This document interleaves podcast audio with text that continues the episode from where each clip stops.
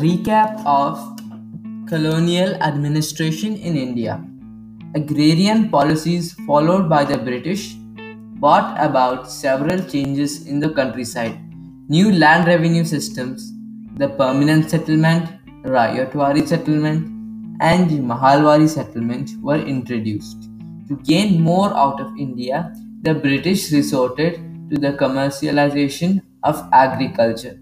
That is, the production of those cash crops which were in demand in the international market.